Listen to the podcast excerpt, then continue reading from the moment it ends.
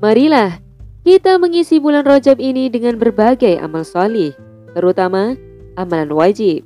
Salah satunya adalah berdakwah, menyerukan kepada umat Islam agar mereka kembali kepada aturan Allah taala, agar keberkahan diturunkan oleh Allah dari langit dan bumi. Assalamualaikum warahmatullahi wabarakatuh. Apa kabar pendengar setia narasi pos? Kembali lagi bersama saya Armina Azza dalam rubrik Syiar. Kali ini dengan judul Bulan Rojab, Keutamaannya dan Sisi Politisnya oleh Mariatul Kiptiah SPD. Simak selengkapnya dalam podcast Narasi Pos, Narasi Pos Media, cerdas dalam literasi, bijak menangkap peristiwa kunci. Bulan Rajab adalah bulan yang istimewa. Bulan Rajab juga termasuk salah satu bulan haram. Selain bulan Zulqaidah, Zulhijjah, dan Muharram. Bulan-bulan ini disebut bulan haram, yaitu bulan yang dimuliakan oleh Allah taala melalui firman-Nya dalam surah At-Taubah ayat 36. Allah Subhanahu wa taala menyatakan, Sesungguhnya Jumlah bulan di sisi Allah adalah 12 bulan. Sebagaimana ketetapan Allah saat dia menciptakan langit dan bumi. Di antara bulan-bulan itu ada empat bulan haram. Itulah agama yang lurus.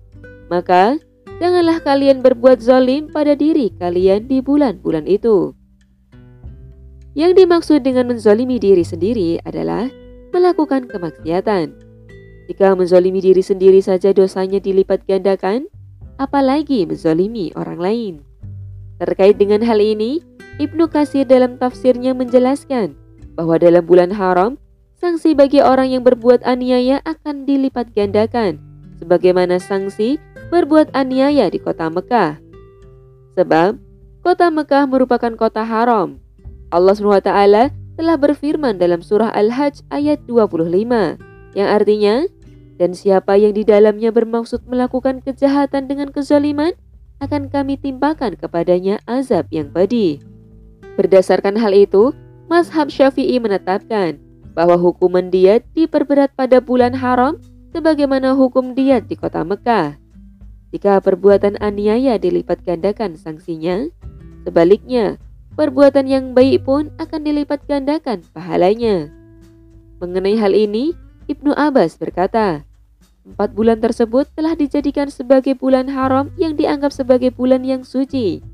Maka, berbuat maksiat pada bulan itu akan diperbesar dosanya. Sedangkan beramal solih pada bulan itu akan diperbesar pula pahalanya. Karena itu, sudah sepatutnya kita memperbanyak amal solih di bulan ini. Baik itu amalan sunnah seperti sholat sunnah, puasa sunnah, membaca Al-Quran, berzikir, dan sebagainya.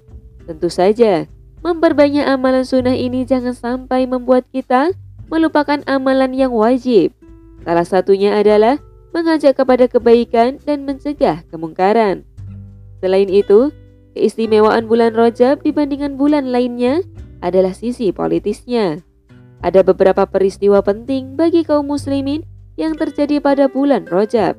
Pertama adalah peristiwa Isra Mi'raj, yaitu peristiwa diperjalankannya Nabi Muhammad SAW dari Masjidil Haram ke Masjidil Aqsa.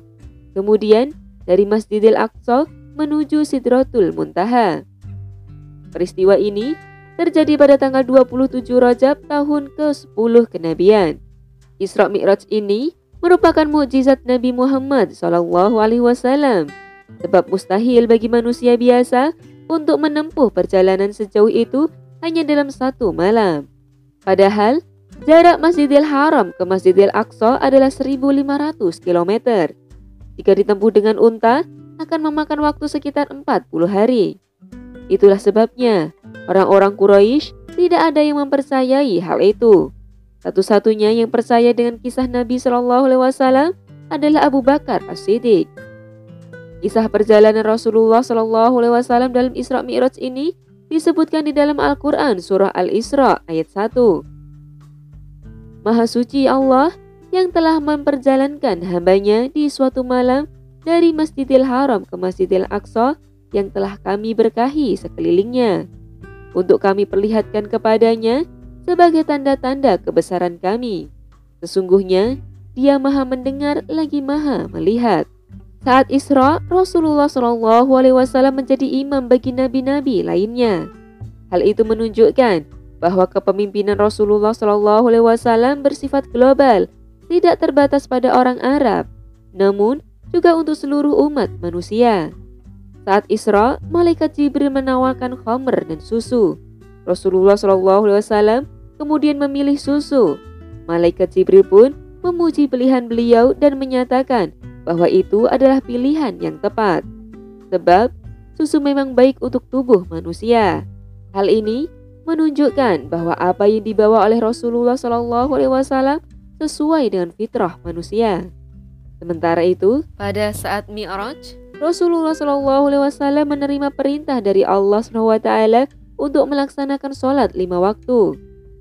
Perintah ini menunjukkan bahwa ibadah harus dilakukan untuk mendekatkan diri kepada Allah SWT. Saat Mi'raj, surga dan neraka juga diperlihatkan kepada beliau Shallallahu Alaihi Wasallam. Dengan diperlihatkannya surga dan neraka, menunjukkan bahwa surga dan neraka itu nyata adanya. Kedua, perang Tabuk. Perang Tabuk terjadi pada bulan Rajab tahun ke-9 Hijriah. Perang Tabuk ini dilaksanakan pada musim panas yang sangat terik. Jarak antara kota Madinah dengan Tabuk adalah 788 km. Rute menuju ke sana merupakan daerah yang terjal dan gersang. Karena itu, pasukan yang ikut dalam perang Tabuk ini disebut Dashul Usrah karena besarnya kesulitan yang harus mereka hadapi. Inilah perang terakhir yang diikuti oleh Rasulullah SAW secara langsung. Perang ini sangat penting karena berkaitan dengan pertahanan negara.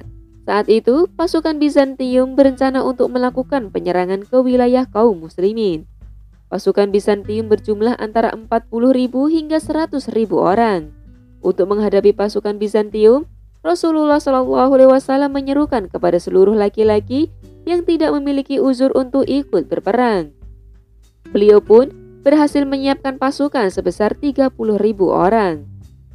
Karena besarnya pasukan dan jauhnya jarak yang ditempuh, dana yang dibutuhkan pun sangat besar. Karena itu, Rasulullah Shallallahu Alaihi Wasallam menghimpun dana dari kaum muslimin yang mampu. Mereka pun dengan sukarela menginfakkan harta mereka untuk biaya perang.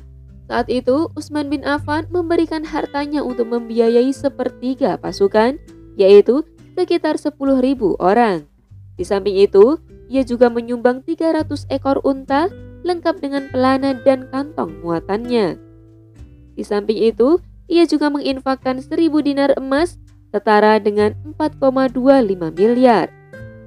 Keberhasilan pasukan kaum muslimin dalam melewati rute yang sulit untuk mencapai Tabuk membuat Bizantium gentar. Ditambah lagi dengan besarnya pasukan yang dibawa oleh Rasulullah SAW. Karena itu, mereka pun memilih mundur sehingga tidak terjadi peperangan.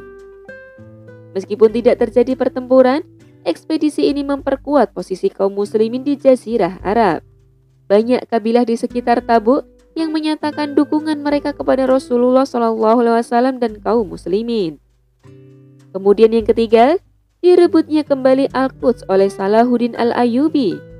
Kota Al-Quds atau Palestina masuk ke dalam naungan Islam pada tahun 16 Hijriah atau 636 Masehi.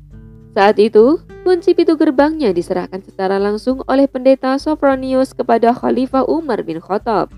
Sayangnya, pada tahun 1099 Masehi, Al-Quds kembali dikuasai oleh kaum Nasrani setelah kekalahan kaum muslimin dalam perang salib. Atas pertolongan Allah SWT, Al-Quds berhasil diremput kembali oleh Salahuddin Al-Ayyubi pada bulan Rajab tahun 583 Hijriah atau 1187 Masehi. Yang keempat, runtuhnya kekuasaan Turki Utsmani. Hilangnya pelindung umat Islam seluruh dunia ini terjadi pada bulan Rajab tahun 1342 Hijriah. Melalui tangan Mustafa Kemal, seorang Yahudi Dunama, wilayahnya kemudian dikerat-kerat menjadi 50 negara kecil. Maka hilanglah kekuatannya, musnahlah persatuan dan kesatuan umatnya. Mereka pun tercerai-berai dan menjadi santapan musuh-musuhnya. Kehidupan mereka penuh dengan ketakutan bagaikan anak ayam kehilangan induknya. Kemuliaan mereka telah hilang. berganti dengan kehinaan. Maka, untuk mengembalikan kemuliaan itu, umat Islam harus kembali membangun perisai yang kokoh, perisai yang akan melindungi mereka sekaligus memudahkan mereka dalam menerapkan aturan Allah SWT di muka bumi, agar rahmat Allah SWT menyebar ke seluruh alam semesta. Demikianlah beberapa keutamaan dan dimensi politik bulan Rojab. Karena itu, marilah kita mengisi bulan Rajab ini dengan berbagai amal solih, terutama amalan wajib. Salah satunya adalah berdakwah, menyerukan kepada umat Islam agar mereka kembali kepada aturan Allah SWT, agar keberkahan diturunkan oleh Allah SWT dari langit dan bumi. Allah SWT berfirman dalam Al-Quran Surah Al-A'raf ayat 96. Sekiranya penduduk negeri-negeri itu beriman dan bertakwa, kami pasti akan melimpahkan berkah dari langit dan bumi. Akan tetapi, mereka mendustakan. Maka, kami siksa mereka karena apa yang mereka perbuat. Wallahu a'lam bisawab. Sekian dulu perjumpaan kita. Nantikan pada syiar-syiar lainnya. Saya Armina Ahza, mohon undur diri terlebih dahulu. Bunga mawar, bunga melati. Semoga khilafah Islamiyah tegak kembali. Barakallahu fikum. Wassalamualaikum warahmatullahi wabarakatuh.